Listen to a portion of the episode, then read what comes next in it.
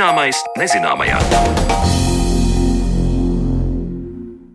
Esiet sveicināti raidījumā Zināmais nezināmajā ar jums kopā turpmāko stundu kā jau ieras Sandra Kropa. Aizsargājumās teritorijas uz zemes ir gana labi identificējamas, netrūkst informējošu norāžu, arī īpaši izveidotu taku, lai tur, kura tas atļauts, šīs teritorijas varētu izpētīt ik viens interesants. Tomēr aizsargājumās dabas teritorijas ir arī jūrā, kā piekrastē, tā dziļākos ūdeņos. Raidījumā runāsim šodien par to, kur tās ir un kā atšķiras un kā, ņemot vērā pārmaiņas vidē un dabā, mainās Baltijas jūras ekosistēma. Plašāk saruna par to raidījuma otrajā daļā, līdz tam gan pievērsīsimies jūras aļģiem.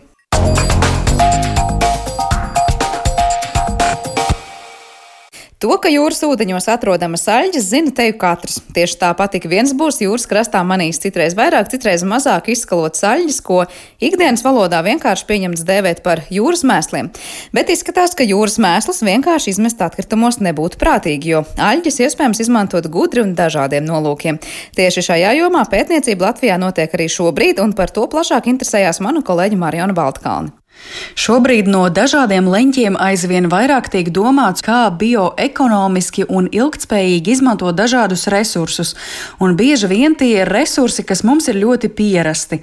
Septiņas valstis Baltijas jūras reģionā, tostarp Latvija, šobrīd īsteno projektu par Baltijas jūras aļģu ilgtspējīgu izmantošanu, un tā mērķis ir uzlabot zināšanas par makroaļģiem, to potenciālu un izmantošanas iespējām gan tās audzējot, gan ievācot. Tieši tāpēc arī zinātnieki no Latvijas Hidroekoloģijas institūta sniedz ieguldījumu jūras aļģu izpētē, savukārt kurzemes plānošanas reģions interesējas par praktisko aļģu pienesumu mūsu ikdienā un iespējams pat reģiona attīstībā. Kāpēc līdz šim aļģu rūpnieciska izmantošana tik ļoti nav sekmējusies, par to tālāk turpina Kurzemes plānošanas reģiona projekta vadītāja Ligita Kokaine. Nu, ir valstis, kurās aļģes var arī audzēt Baltijas jūras reģionā. Piemēram, Zviedrijas rietumu krasta daļā tur ir tādi, ko sauc par jūras dārziem. Tur ir plāni veidot tādas aļģu fermas, kur cilvēks var ienirt pats, nogriezt savu aļģi un uztaisīt salātos. Bet nu, pie mums, mūsu pusē, dabas apstākļi tomēr jūrā ir diezgan skaudri. Un arī tās aļģu sugas ir sastopamas atkarībā no tā, kā to ietekmē stāļums un visādi citādāki faktori. It kā liekas, Zviedrija tepat netālu īstenībā, vai ne? Viena Baltijas jūra jau vien ir, bet tur var, un ja mēs runājam par tādu Baltijas, tieši Latvijas reģionu, tad diezgan lielas atšķirības. Viņiem jā, jā mums tā, nē. Ir, tā ir, jā. Nu, nu, tur ir tā, ka viņiem rietumkrasts jau senāk, tā kā cita jūra mazliet, un tur ir cits sāļums un arī citi mazliet tie dabas apstākļi. Mums ir tā, ka šie apstākļi audzēšanai un tādai mākslīgas fermas izveidēji varētu būt, teiksim, tā problemātiski, bet tas varētu ar laiku attīstīties. Tad, ja tiks attīstīti jūrā vēja parki, tad gan būtu iespēja varbūt šīs konstrukcijas no vēja parkiem izmantot arī no citiem papildus mērķiem, izvietojot arī varbūt aļģu fermas un gliemeņu fermas. tā tā nākotne iezīmējas iespējamā. Baltijas jūrā pie mums, īpaši mūsu tajā atklātajā kurzemes krastā, ir ļoti vētrās, ļoti spēcīgi un īsi viļņi, kas nosaka to, ka viss, kas atrodas ūdenī, teiksim, ja tiek audzēts, izvietots kaut kādas konstrukcijas, tad tiešām tam ir ļoti jābūt pārdomātam. Un to var izdarīt, bet tas prasa ļoti lielas investīcijas. Tādēļ to neviens līdz šim varbūt nav izdarījis, kur pretī mūsu teiksim, lielos okeānos, kas mums liekas varbūt ļoti nu, grūtāki ūdeņi, lai kaut ko traudzētu. Gluži otrādi, tur ir kā garāka viļņa un tās tehnoloģijas vieglāk pat pacieš tos dabas apstākļus nekā pie mums. Bet mums ir tas resurs, ko mums izskalo krastā, un arī tas nepietiekami izmantots, teiksim tā. Gan tas resurs ir um, diezgan neprognozējams. Tas biomasas apjoms gadu no gada diezgan spēcīgi var atšķirties. Ir gadi, kad izskalo ļoti daudz, un kad ar jūras mēsliem ir pilna pludmale, jā. ir atkal gadi, kad ir mazāk, un tāpēc viņš ir nepastāvīgs tas resurs. Tas varbūt ietekmē arī to izmantošanu kad nu, neviens to savu uzņēmējdarbību nav orientējis tieši uz to resursu, jo viņš ir tik nepastāvīgs. Ja runājam par vārdu salikumu jūras mēsli, tad tās ir visas krastā izskalotās makroāļģes. Kurzemes pusē tās vairāk ir sārtaļģis furcelārijas, no kurām populārākais iegūstamais produkts ir agar-agars. Tas aizvieto no dzīvnieku izēvielām gatavoto želatīnu un piedod struktūru ēdienam, un tas nereti tiek izmantots konditorijā.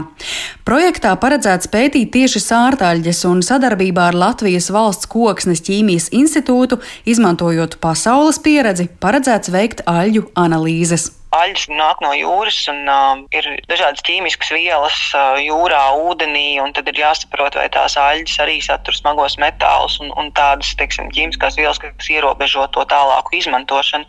Bet pirmais būs, mēs papētīsim tieši kurzemes piekrastē izskalotajās aļģēs un aļģu biomasā, vai šie smagie metāli un tās ierobežojošās vielas nepārsniedz tos sliekšņus, kas liektu tālāk viņas jau izmantot kaut kur pārtikā vai, vai dzīvnieku varībai. Izejot no tā arī tālāk skatīties skatīties, ko mēs varam mm -hmm. ar to resursu vēl darīt, izņemot ražot agar-agaru. Jo agar-agaru ražošana, Igauni ražo agar-agaru un arī gadu no gada arī mūsu piekrastē cilvēki vāc aļģus un viens otrs arī ved viņus uz Igauniju un pārdod Igauniem. Tā kā no mūsu aļģiem arī Igaunijas agar-agars tiek ražot. Mm -hmm. ne tikai no Igaunijas aļģēm. Bet Rīgas jūras līča piekrastē vairāk sastopamas brūnaļģes un zaļaļģes, un arī tās ir vērtīgas. Arī Latvijas zinātnieki projektā aplūkos iespēju no aļģēm veidot ekoloģisku iepakojumu, kas sadalās apkārtējā vidē. Savukārt ārstnieciskas īpašības piemīt brūnaļģei pūšļu fukam. Pūšļu fuks ir ļoti labs gremošanai. Potenciāli no tā varētu veidot uh, barības piedāvājumus un medikamentus uh, dzīvniekiem un arī cilvēkiem tieši barības uh, sagremošanas veicināšanai. Man jau vēl doma nāk prātā par tām zaļajām ķeskām, kas tur jūrā vienmēr peldas tās zaļaļģes. tā man gribētos atrast kādu pielietojumu. Tas, um, nu, tās, tā vispār ir interesanti Es um, nezinu, nu, neatradu nevienu, kurš būtu īpaši ar, ar viņām kaut ko pētījis um, Latvijā, bet uh, šīs pašas sugas un, un dzimtas āļģes, zaļaļas, viņas tiek uh, izmantotas arī dzen, citur pasaulē pārtikā. Nu, tā Āzijā viņas ēd un no viņām gatavo salātus un tam līdzīgi. Jā, tas ir tas jautājums arī par kvalitāti. Nu, droši vien, ka pirms, pirms sākt viņu ēst, būtu jāpārliecinās, ka tie smagie metāli tur nav pārāk daudz, vai kādas uh, citas piesārņojošas vielas, kas varētu vienkārši no jūras nākt. Bet aļņas nav zīves. Nav zīves, tā kā sevī uzkrāja vairāk tās kaitīgās vielas, jo viņas vienkārši barības ķēdē atrodas augšgalā.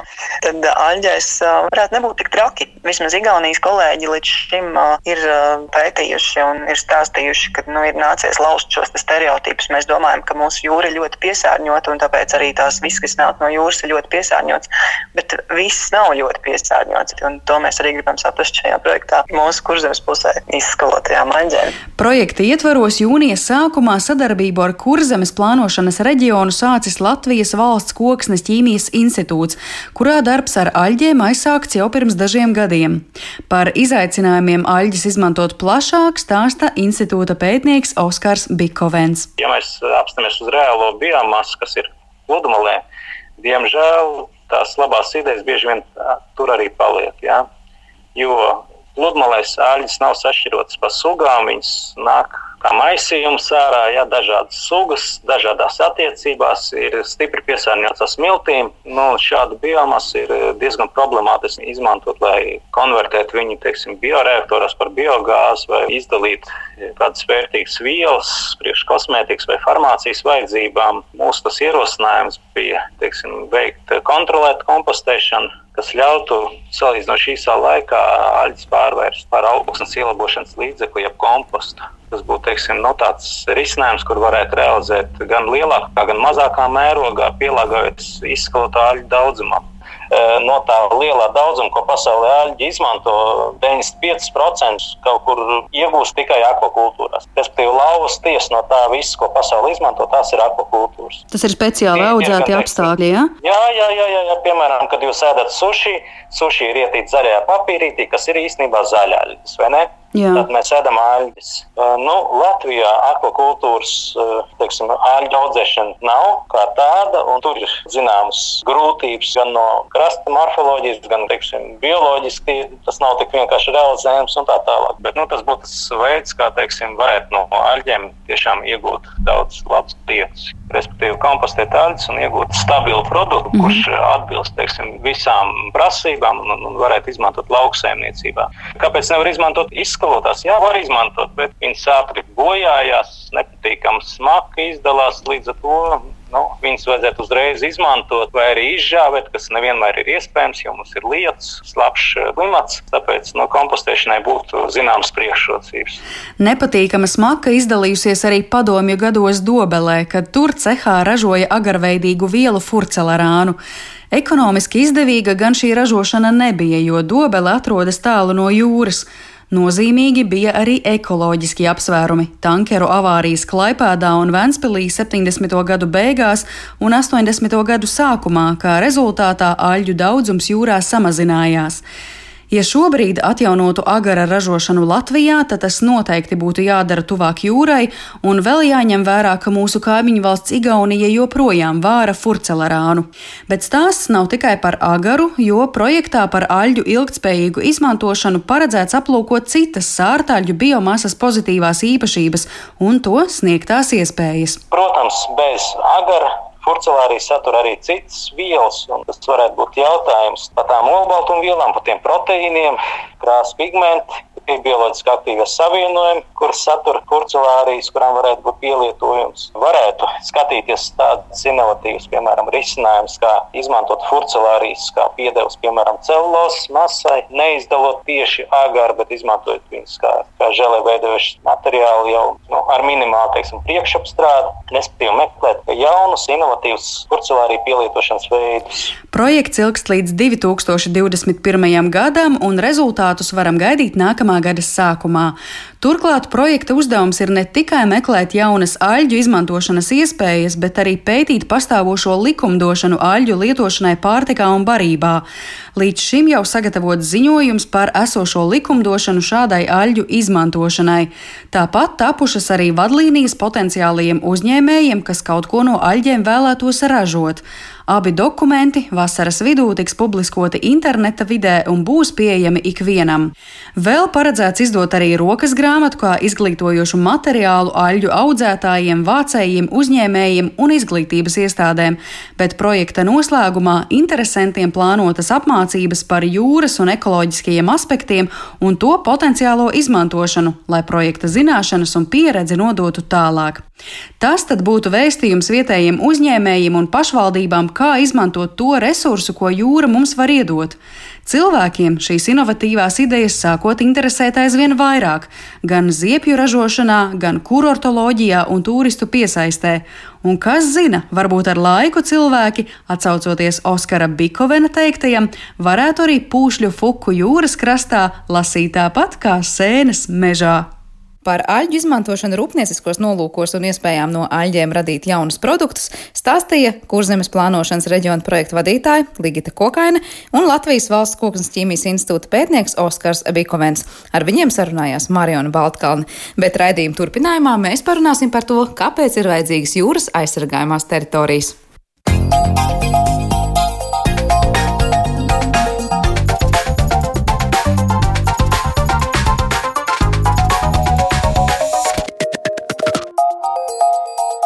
Zināmais nezināmajā. Kā Baltijas jūras piekrastē esošie biotopi ietekmē dzīvības procesus jūrā un kā tas notiek jūras dziļumā? Dzīvības process jūrā ārkārtas stāvoklis nav mainījis un pētnieki turpina sekot līdzi, kā tad ekosistēma Baltijas jūrā ietekmē kā invazīvās sugas, tā arī vidas piesārņojums un daudz citi faktori. Vai un kāpēc būtu jāveido jaunas aizsargājumās teritorijas jūrā? Par to visu tad mēs runāsim raidījuma atlikušajā daļā, jo mūsu improvizētajā studijā man ir pievienojušās Latvijas Hidroekoloģijas institūta vadošās pētnieces Solvita Strāķa un Ingrīda Puriņa. Labdien! Labdien! Eh, par sauszemes aizsargājumam teritorijām parasti liekas, cilvēki zina daudz vairāk un ir pieraduši vismaz nu, uz dažām no tām pat arī paši doties. Kā ir ar aizsargājumām teritorijām jūrā? Kur mums tādas, cik mums tādas, un vai var teikt, ka nu, tās arī ir kaut kas salīdzināms kā mūsu izpratnē, nu, kaut kādas teritorijas, kas īpaši sargājums, jo tur taču ir kaut kas īpaši skaists un vērtīgs. Nezinu, kurai dot pirmai vārdu, nu, varbūt Ingrīda, ar ko salīdzināt, un vai varētu teikt tā, ka jā, mums ļoti izpratnē nav tā sajūta, ka jūrā taču arī ir aizsardzība. Um, nu, mums ir jūrā septiņas aizsargājumās teritorijas. Uh, protams, tie, kas ir uh, apmeklē šīs teritorijas, vismaz no krasta, es domāju, ka var arī nenojaust, ka mums ir šīs aizsargājumās teritorijas, jo pārsvarā to, tas, ko mēs sargājam, mēs sargājam akmeņainos biotopus, jeb rifus. Bet tā kā mūsu jūras piekraste ir gaužām smilšaina, tad cilvēki bieži vien nenojauš, kur mums ir šie, šie rifi un, un kas, kas tur notiek. Daļai Rīgas līcī mēs varam par to spriest, tur, kur ir um, akmeņainā pludmale virs tūjas. Tur mēs varētu iedomāties, ka, nu, šie akmeņi turpinās arī jūrā un ka tur būtu kaut kas tāds. Bet, bet piemēram, atklātās Baltijas jūras piekrastē, nu, es domāju, ka cilvēkiem ir maz kas redzams no rifiem. Un uh, šie parku apmeklētāji nu, vislabprātāk droši vien izpeldās jūrā, un varbūt viņiem paliek sajūta, ka viņi ir jā šajā aizsargājumā teritorijā, kur ir baltās skaistās smiltiņas un, un uh, varbūt aļģis izskalots krastā, ar kurām kopā atnāk arī dzintari. Solvita, kāds tev ir parasta sajūta cilvēka, kā uztver aizsargājamo jūras teritoriju vispār klātbūtni un nepieciešamību? Atsevišķās reizēs uh, es uh, piekrītu, ir izlikti info mm, stendi uh, jūras piekrastē. Un tad es domāju, ja cilvēki pievērš uzmanību šiem info standiem, tad, protams, tur ir minēts, ka šobrīd jūs stāvat aizsargājumā jūras teritorijas piekrastē, un tad tālāk jūrā ir. Es domāju, arī tajās vietās, kur cilvēki brauc vērot putnus, kā piemēram atklātajā Baltijas jūras daļā pie papes, Eh, kā arī akmeņragā, tad tur varbūt tās um, varētu arī nojaust, ka tur tā augu un sugu daudzveidība ir bagātāka un ka šī teritorija varētu būt aizsargājumā jūras teritorija. Bet kopumā es piekrītu, ka eh, cilvēkiem ir ļoti grūti iztēloties, ka viņi stāv aizsargājumās jūras teritorijas krastā, jo nekādas citas varbūt uh, vizuālas zīmes, kas uz to norādītu, principā nav. Ingrīda sākumā teica, ka mums ir septiņas aizsargājumās jūras teritorijas. Vai jūs varat abas iezīmēt, kuras tad mūsu kartēs tās apmēram ir un ar ko tieši tās vietas, izņemot to, ka jā, tie akmeņainie rifi tur ir, ir vēl interesants un būtisks? Nu, mēs varam sākt ar šīm teritorijām. Tad no papas jau pieminētās, ko Solvits teica, tad, tad mums ir Nida papa, tad mums ir akmeņraks, tad mums ir irbas šauruma sēkļi, Tad mums ir Rīgas līča rietumu piekrasti, kas ir ļoti plaša teritorija, gandrīz no Kolkas raga līdz lejā raga ciemam. Tad mums ir otrā pusē selga, kas ir nu, speciāla teritorija putnu aizsardzībai. Tad nosaukums bija Sāga pretī tūjai, jeb sāga pie tūjas. Jā, un tad mums ir tālāk ainaža salacgrīva, un, un vēl, manuprāt, šī akmeņainā pludmale kaut kā izdalās. Es ceru, ka ir septiņas. Jā, nu var izskatīties ar tādu iztēlu, skatoties kartē, ka gandrīz vai viss tā Latvijas jūras krasta līnija pa, ik pa posmiņam ir nosakta. Eh, kāda ir tā lielākā nozīme tam, ka tā teritorija, kuras krastā mēs esam, ir vai nav aizsargājumā jūras teritorija? Protams, šī definīcija pati par sevi garantē to, ka tur kaut kādas vērtības tiek vairāk sargātas un tā jūra, var teikt, tiek vairāk savus ekosistēmu pakalpojumus gudros vārdos mums nodrošina. Nu, es teiktu tā, ka mm, sākotnēji šīs te teritorijas tika izveidotas putnu aizsardzībai. Tāpēc, ka tās parasti ir vietas, kur putni pulcējās uz gan kaut kādas spalvu maiņas, gan uh, barošanās vietas. Un, jā, tā sākotnēji tika izveidots putnu aizsardzībai, un vēlāk tika veikti šie pētījumi, lai saprastu, kas tad ir, kādas vēl dabas bagātības ir šajās teritorijās. Un tad, protams, mēs konstatējām to, ka nu, viss šī grunts ir klāta pārsvarā ar akmeņiem, uz kurām aug liemenis, kur aug šīs makrofīta aļģes, kas ir nu, kā, zivju nārsta vietas, zivju slēptuvi un šīs mazuļu attīstības vietas, arī tur notiek zivju barošanās, un viss kaut kas, un arī šie putni tur nāk baroties. Un droši vien, ka tur nāk, ja tur ir zivs vairāk, gan jau, ka tur nāk arī roņi un, un, un uh, citi jūras dzīvnieki. To, kas, uh, kas vēl šajās teritorijās, parasti jau mēs redzam arī krastā, tur, kur ir izskalots šīs aļģes, tur mēs varam redzēt par šīm te ka, ka tur pārsvarā ir šīs aļģu audzes, jo tās izskalo netālu no to augšanas vietas. Tās nenāk tā kā pāri pa visu Baltijas jūru. Un, nu, arī mēs atrodam kaut kādas gliemeņu čaulas, kas liecina par to, ka kādas tur sugas ir atrodamas, bet uh, smalkāk šie novērojumi, protams, ir veicami uz vietas, kā veicot šo zemūdens video filmēšanu, uh, nirstot un apskatot šos biotopus, filmējot, vācot paraugus. Ja mēs tā iedomājamies, cik lielas tās teritorijas ir, nu, piemēram, ja tagad jūs nosaucāt tās geogrāfiskās atrašanās vietas, vai tas būtu nu, cik dziļi jūrā, es nezinu, kilometros vai kā jūs to skaitat, tā, tā, tā teritorija būtu jāiezīmē kartē? Nu, tā ir vairāk kilometri no krasta. Būtībā līdz, manuprāt, ka visas šīs robežas ir līdz 20 metru dziļumam. Tad tur, nu, kurš sasniedz 20 metru dziļumu, tur arī jā, tā, tā teritorija vēl joprojām ir aizsargājama. Tā varētu teikt. Nu, es varu mazliet papildināt, ka tā, tām teritorijām, jā, tieši tā mēs tā vairāk varbūt tās šo te dziļumu robežu atzīmējam. Man tā varbūt kilometros no krasta arī grūti uzreiz novērtēt, bet visām tās teritorijas ir varbūt mazliet dažādas, jo, nu, piemēram, um, Nida pērkone, Nida pape, pērko, tur, kur mums jūrmāla ciemā ir, tā ir, manuprāt, um, no krasta līnijas skatoties diezgan dziļa teritorija. Tā ir līdz 20 metru robežai. Ja mēs uh, varbūt paskatāmies Irbers uh, šaurumā esošo aizsargājamo teritoriju, tad uh, tā, manuprāt, bija teritorija, kura nemaz īsti pat līdz krasta līnijai nepienāk.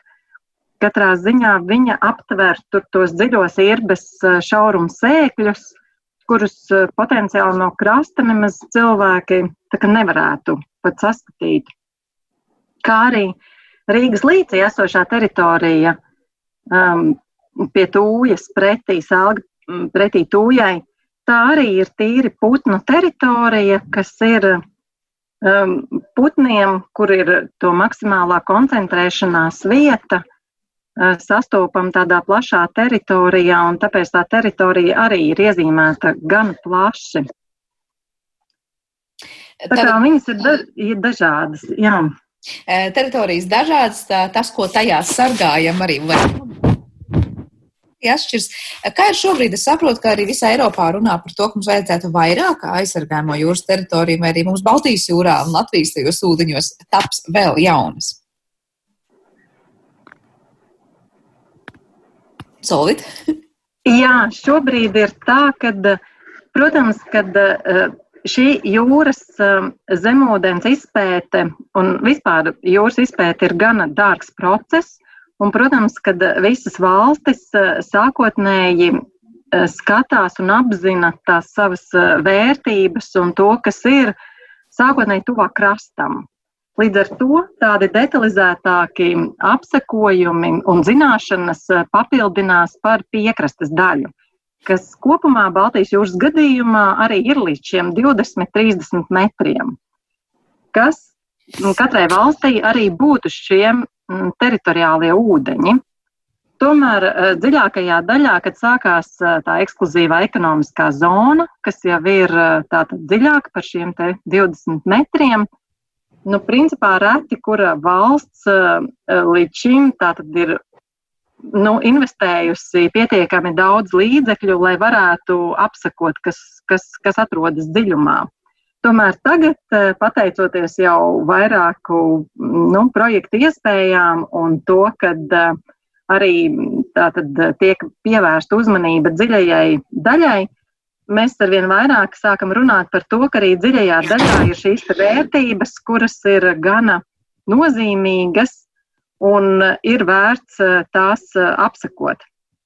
Un līdz ar to mēs arī jau tad, kad veicām Latvijai jūras telpisko plānojumu, principā pēc dziļuma kartēm identificējām mm, četrus gana liela, lielus laukumus, kas veido jūrā tādus kā pacēlums sēkļus, kur varētu būt eh, šīs te mm, potenciālās dabas vērtības. Mums arī bija iespēja kādus divus eh, gadus, pat arī pagājušajā gadā un divus gadus atpakaļ nedaudz kā, iebraukt šajās teritorijās, aizbraukt līdz tām un, un ar zemūdens video kameru paskatīties. Un, jā, kā konstatējām, ka tur varētu būt ļoti bagātīgas šīs gliemeņu audzes. Līdz ar to ir iespējams, ka mums arī dziļumā ir ļoti vērtīgas teritorijas, kuras būtu varbūt vērts uzskatīt, ka tās varētu būt jaunas aizsargājumās jūras teritorijas.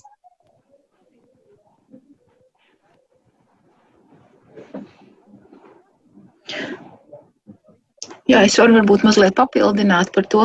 Man liekas, ka šī tendence Eiropā apskatīt šīs te jaunās teritorijas, tā ekskluzīvai ekonomiskajā zonā, tas viss jau būtībā ir saistīts ar šo te uh, ekonomikas izaugsmi un to, ka tais, uh, nu, kā tomēr to resursu pamazām cilvēkiem sāk piekļūt, un šī te, nu, dabas eksploatācija ir diezgan jau intensīva. Uh, Un tas, ka mēs šīs aizsargājumās teritorijas jau nemaz tik labi no sauszemes ietekmes pasargāt nevaram. Un es domāju, ka tas ir viens no tiem uh, vadošajiem tiem virzītāju spēkiem, kāpēc notiek šī uh, izpēta tālākos ūdeņos, kur lai saprastu, cik daudz mums šo dabas vērtību vēl ir palicis arī nu, citās vietās. Apmēram kartā, ja mēs skatītos šīs te jaunās teritorijas, ir, nu, tās atrodas vairāk tā kā pie tiem irbas šaurumiem. Nu, tās viena no šīm te teritorijām būs no eh, tām jau, jau šī irbas šauruma, tā kā augšdaļa, tur, kur vēl turpinās šie sēkļi. Eh, un tad ir pretī Pāvilos, tā ir tāda seklāka daļa, un tad ir mazliet arī tā kā eh, akmens ragam pretīm, un tad tā lejas daļa, kur ir liepāja, tur, kur ir nu, pierobeža jau pat ir Lietuvas. Domāju, ka tās būs tās vietas. Un, jā, kā jau Solvits teica, mēs tur visur atradām, ka ir šie akmeņainie substrāti, kas ir klāti ar gliemenēm un kas būtu nu, ārkārtīgi nozīmīgas vietas priekš um, nu, jūras ekoloģiskā stāvokļa saglabāšanai. Varbūt līdz ar to var pieskatīt, kur tai gliemenei ir tā lielā loma, jo no vienas puses tas nav tikai stāsts par vienas gliemenes sargāšanu. Kāpēc tā gliemene tālāk tur to visu ekosistēmas kaut kādu mājas daļu uz saviem pleciem, ja tā var teikt? Gliemenes ir nu, filtrētāji organismi, un kas būtībā caur tādas varētu, vienīgais, ar ko vislabāk būtu salīdzināt, tās būtu tā kā tāds bioloģisks attīrīšanas ierīces Gliemenis izfiltrē caur savu organismu ārkārtīgi lielu ūdens daudzumu, un, un līdz ar ūdens daudzumu arī ūdenī esošās daļiņas, kas varētu būt baktērijas, aļģes, detrīts, un būtībā nu, veic šo ūdens pašatīrīšanās funkciju. Tas, kas šīs gliemenes apdraud piekrastē, tas ir apaļais jūras grunduls, kas ir invazīvā suga, kas šobrīd ir izplatījusies visā Baltijas jūrā un arī daudz kur citur Eiropā. Un, uh, tā kā īsti tādu nu, mm, dabisku ienaidnieku šim grundulim nav bijis, kas nu, varētu turēties pretī šai invāzijai, tad šobrīd grundulis ir apēdis visas piekrastē esošās gliemenes. Nu, var, varbūt nav pareizi teikt visas, tur mazliet šīs gliemeņa audzes sāk atjaunoties arī piekrastē. Tomēr šīm tālajiem sēkļiem ar šīm gliemeņa audzēm varētu būt milzīga nozīme, jo tās nu, tā kā, tās būs tās, kas filtrēs, kas attīrīs ūdeni, kas saistīs uh, slāpekli un fosforu savā organismā, kas saistīs bīstamās vielas savā organismā un, nu, tā kā zināmā mērā pasargās mūs un, un varbūt arī, teiksim, zivju populācijas no šo te, nu, dažādu kaitīgā piesārņojuma klātbūtnes un, un, un ietekmēs arī šos te piekrastes uh, rifus. Pirms runājam tālāk, ko katrā no šīm teritorijām darīt un nedarīt, un ko tās dod vai nedod, tas Olvits par gliemenēm vēl vēlēs ko piebilst. Es uh, pilnīgi piekrītu, jā, ka jūras grundos ir apēdis uh, gana daudz šo te gliemeņu, Vēl varbūt tās mazliet tā kā arī var papildinot, kad šobrīd uz šiem te akmeņainiem ripiem mēs runājam varbūt par to mm, gliemeni, kas uh, dzīvo, kurai ir nepieciešams šis cietais substrāts, respektīvi akmens, kurš piestiprināties, bet arī pašā smiltīs dzīvo vēl citas gliemenes, kur, protams, arī jūras grundulis arī ir paplicinājis, un, un kā, tas nav pārāk izvēlīgs um, um, organisms vai, vai izvēlīga zivs uz šo barības objektu. Un, jā, ja mums, protams, būs saglabājušies šīs te gliemeņu audzes dziļumā un, un dziļajos sēkļos, tad tas varētu, tas noteikti dos ieguldījumu arī uz šiem te piekrastes rifiem un bioloģiju, jo dziļumā esošās gliemenes spēs nodrošināt šos te mazos kāpuriņus, kuri ar ūdens traumēm tiks aiznesti uz piekrastes daļu, un tās gliemenītes atkal, varbūt nosēžoties, spēs izveidot jaunas um, audzes um, iepriekšējo vietā, kuras šobrīd varbūt ir jau apēstas lai to visu nodrošinātu. Kā tas sanāk? Nu, jūrā mēs nevaram aizvērt durvis vai uzlikt sienu un pateikt, tagad kāds kaut kur peldēs vai nepaldēs, vai piesārņojums pēkšņi kaut kur apstāsies vai neapstāsies. Kā šīs aizsargājumās jūras teritorijas palīdz sasniegt visus tos mērķus, par, kurām, par kuriem jūs jau runājāt? Ingrid? Nu, es domāju, ka uh, mums jau ir svarīgi saprast, ka ir kā tu saki, ka mēs nevaram aizvērt durvis un nevaram uzbūvēt sienu. Šis darbs ar, ar šo piesārņojumu samazināšanu mums, protams, jāveic uz sauszemes. Mēs varam nu, saglabāt šīs te, teiksim, putniem nepieciešamās vietas, nu, daļēji ierobežojot tur saimniecisko darbību un uh, iespējams, teiksim, kaut kādas zvejas uh, laikus un, un kaut kādā veidā to, lai šie putni nu, netraucēti varētu dzīvot, bet šis te, nu, piesārņojums, kas ieplūst Baltijas jūrā, ir nu, sauszemes problēma, un tā būtu arī jārisina uz sauszemes. Mēs nevaram gaidīt, ka nu, kad, jūra veiks priekš mums šīs paša tīrīšanās funkcijas un, un visu saglābs to, ko mēs nevaram izdarīt uz sauszemes paši. Bet, protams, ka tā ir, nu, šī daba ir nu, kā palīgs cilvēkam, kas var palīdzēt un, un, un šādas tādas problēmas atrisināt. Bet, nu, mums ir jāsaprot, ka šīs dabas pašatīrīšanās spējas nav neierobežotas.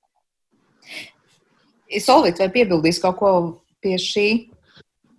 Jā, es, es arī piekrītu tam, ka uh, varbūt arī tādas uh, vienīgās uh, darbības, um, kuras mēs varētu varbūt ierobežot eh, aizsargājumās jūras teritorijās, tās tiešām ir kaut kādas īpaši definētas noteiktas cilvēku saimnieciskās darbības, kuras eh, šajos noteiktajos rajonos būtu mazāk vai, vai tiek veiktas tikai noteiktos laikos, vai, vai varbūt kāda pat arī nav atļauta. Nu, tādā veidā mēs veicinām to, ka šajā konkrētajā rajonā šī daba zemūdens tiek traucēta daudz mazāk un arī mm, iespaidota mazāk. Bet arī pilnībā pievienojos to, ka cilvēkiem ir ļoti daudz jāizdara uz sauszemes, jo, nu, diemžēl, diezgan tas, kas mūsu saimnieciskās darbības rezultātā nonāk jūrā, daba viena pati nu, nevar varbūt visu izdarīt mūsu vietā, un mums arī ir tas jāizdara. Bet tad, kad tu minēji šīs cilvēku darbības, kas tiek veiktas un ierobežotas konkrētajās teritorijās, nu labi, pirmais nāk prātā zveja. Pirmais. Kādas vēl ir tās darbības? Nu, es nezinu, tur gruntī ņems ārā un pārvietos, vai par ko vispār mēs parasti runājam, vai vējparks būvēs? Jā, tieši šīs visas trīs nosauktās darbības eh, būtu jāskatās. Uh, Protams, nav tā, ka varbūt tās nevarētu būt atļautas pavisam vai pilnībā aizliegtas, bet tieši tā arī ir. Tā ir vai nu zveja, kad tiek, teiksim, ar traļiem, grunts zveja, tātad, kas var būt noposta, tātad vai nu kādā konkrētā reģionā tā ir ierobežota, vai tiek darīta tikai noteiktu laiku, vai tiek aizliegta pavisam. tā ir viena, kas ļoti daudzās jūrās tiek regulēta. Tad ir šī vēja parku būvniecība, kur arī tiek izvērtēta. Ja, protams, tiek novērtēts tas, ka šie vēja stabi, kādā no apjomā ir plānots celt, varētu būtiski neietekmēt, tad, protams, tas ir atļaujams. Bet, ja tiek vērtēts to, ka ir kaut kāda um, īpaša vieta, kur šie papildus vēja stabi varētu izpostīt kaut kādu noteiktu reģionu vai dot negatīvu ietekmi, tad arī tas tiktu vērtēts kā vai ierobežojumi tur būtu nepieciešami. Un tieši arī tā, ka tas ir dažāda veida zemūdens materiālu izņemšana vai pārvietošana, kā piemēram lielos laukakmeņus izmanto gan varbūt tās celtniecībā, gan tas ir kā materiāls, kurš arī ir nepieciešamais resurs, bet to, ja mēs izņemam no jūras, tad, protams, citu akmeņu vairs klāt nenāk. Kā arī šī smilts izņemšana, kas varētu varbūt tās kaut kādā veidā ietekmēt šos te teritorijas zemūdens biotopu. Tā kā līdzīgi kā uz savas dažāda stipruma, ja tā var teikt, nu, režīma teritorijas, nu, tur rezervāts vai nacionālais parks vai kas cits, tā līdzīgi arī zem ūdens. Ja šajās teritorijās neobligāti visās vienādi tie aizliegumi būs, vienā viņi būs striktāki, otrā netik strikti, vai vienas teritorijas robežās tur būs dažāds zonējums. Šobrīd ir tā, ka vienas teritorijas robežās ir trīs veida zonējumi. Nu, piemēram, teritorijā uh, Eh, Rīgas līča rietumu piekrastē. Tur ir trīs veidi zonējumi. Viens ir eh, neitrālā zona, kur ir atļauts pilnīgi viss. Tā tad visa veida darbības. Tad ir, eh, un tad ir divas papildus zonas, kur ir tā saucamā dabas parka zona, kur tā tad ar ietekmes uz vidu novērtējumu Um, tātad, ja kāds vēlas veikt kādu saimniecisko darbību, tiek veikts ietekmes vidas novērtējums, un tad tiek skatīties, vai tur um, ir pieļaujama šī darbība vai nav. Kā arī tur ir viena zona, kas ir saistīta ar putniem, to spalvu mešanas laikā, kur konkrētā laika ierobežojumā ir uh, ļoti strikti ierobežojumi noteiktos mēnešos. Jā, droši vien atsevišķi jautājums par to, kā to kontrolēt un kā to izmērīt, bet eh, kādi ir tieši šī brīža secinājumi dažādās valstīs, ja mēs runājam, kā tās aizsargājumās jūras teritorijas strādā vai nestrādā. Ir bijuši dažādi mm, izskanējuši apgalvojumi, ka jā, tām ir jābūt savstarpēji vienā tā kā kopīgā tīklā saslēgtām, un tad ir jautājums, vai tās ir gana tuvu vai tālu vienas no otras izvietotas vai gana labi izplānotas. Cik tālu šobrīd par Baltijas jūru mums ir skaidrība, kā tās te ir izvietotas un kā tās strādā vai nestrādā? Ingrid? Mm. Nu, manuprāt, šobrīd Baltijas jūrā mēs jau esam tā labā stāvoklī, jo mums šo teritoriju tiešām ir ļoti daudz. Un, un pat uh, Baltijas jūra varbūt ir tāda, kur uh, nu, tā kā, mm, pat, pati šī Baltijas jūras basēna tās īpatnības ir tādas, kas nu, tā pieļauj uh, šo te aizsargājamo teritoriju izvietošanu, tāpēc, ka Baltijas jūrā pārsvarā aizsargātas tiek šīs te, nu, seklās kā, mm, daļas, kur, kur ir nu, attīstās šīs aļģu audzes, gliemeņu audzes, un, un kur šīs putnu darbība notiek. Un Baltijas jūrā tas mijās ar šīm dziļajām ieplakām, kur, nu, kur, kā mēs zinām, ir bezskābekļa zonas un viss kaut kas, bet bet būtībā šī dzīvība koncentrējās tajā seklumā. Un it kā mēs varētu teikt, ka tas tīkls jau it kā būtu nu, kā izveidots kā diezgan labs, bet tomēr uh, mēs redzam to, ka uh, nu, ir, ir diezgan grūti pētīt. Ir tāds šobrīd aktuāla tēma, ja šī aizsargājamo vieta ir pat. Uh, nu, Latvijas ir grūti pat pateikt, kā ir šis tulkojums, bet angliski ir connectivity vai šī sasaistes starp aizsargājumām vietām. Tomēr jau uzskatu, ka diezgan vāji tas viss ir.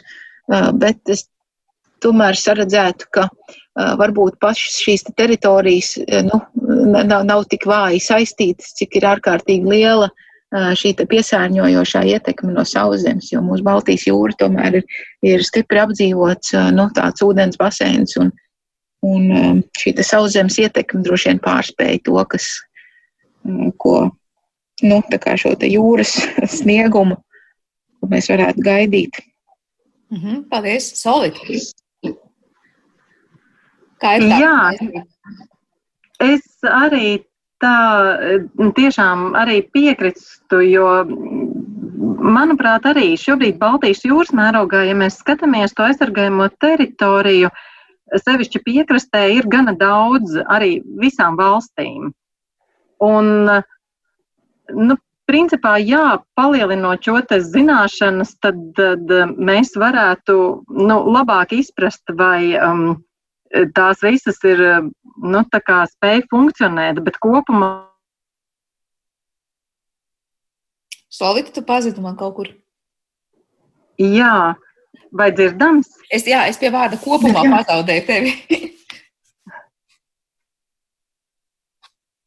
Atkal nedzirdu. Es domāju, ka jā, es jau tagad vairs. Varbūt vienkārši vari pateikt vienā teikumā, kaut vai man montējas kopā, jo tu pazudi pusvārdā. Tad mums šobrīd ir daudz to teritoriju Baltijas jūru, bet kas ir tas klupšanas akmens, tavuprāt? Mums, jā, mums šobrīd ir pietiekami daudz teritoriju apkārt Baltijas jūrai, kas arī visām valstīm ir pietiekami daudz uh, Bet, manuprāt, ir tā, ka eh, varbūt tās eh, nu, vēl eh, papildus šīs zināšanas vai modelēšanas vai tā izpratne starp to, kādā veidā tās saistās, mums vēl nav tik ļoti nu, dziļas, lai mēs tā ļoti nu, droši to varētu pierādīt. Nu, manuprāt, tas ir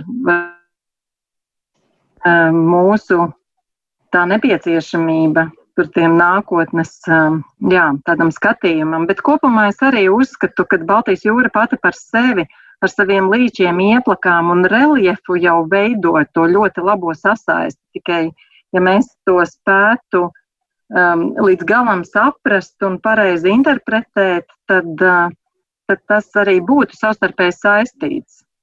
Un tomēr sanāk tā, ka mums klāt nāktu vēl kādas teritorijas, tad tas tīkls veidotos lielāks. Eh, cik ilgā laikā mēs varam gaidīt šīs jaunās aizsargājumās teritorijas un ko īsti tas nozīmē soli pa solim tādu izveidot? Varbūt tas ir tas jautājums. Jā, nu, Ingrīda. Tātad mums ir šis projekts, LIFE projekts, kurš ilgs piecus gadus. Es domāju, ka šo piecu gadu eh, laikā mums ir jāizveido šīs aizsargājumās teritorijas. Mhm.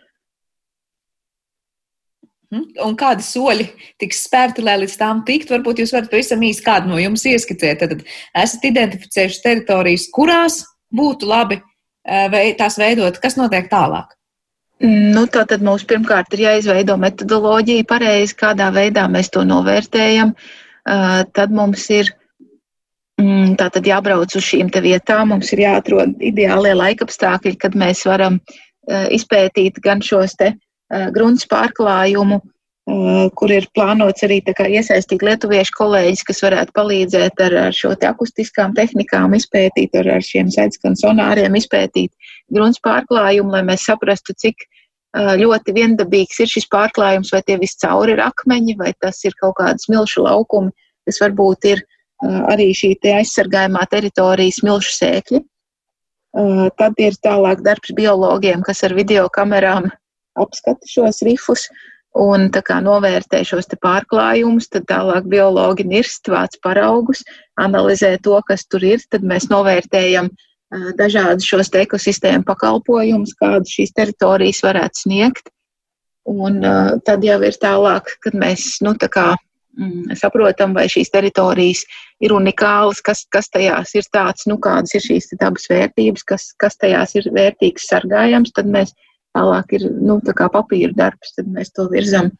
Uh, nu, droši vien, ka mūsu biologu funkcijas pārņem dabas aizsardzības pārvalde, kas izveido šo nu, plānu jaunu aizsargājamo teritoriju izveidēju, un tad tas ir jāapstiprina.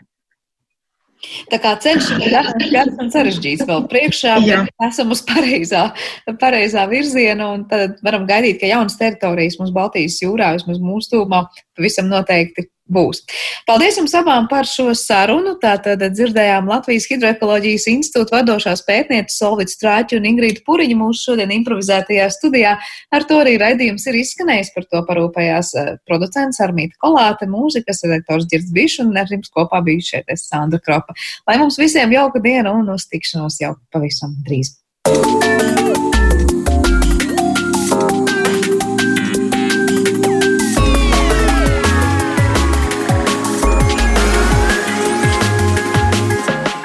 Zināmais nezināmajā.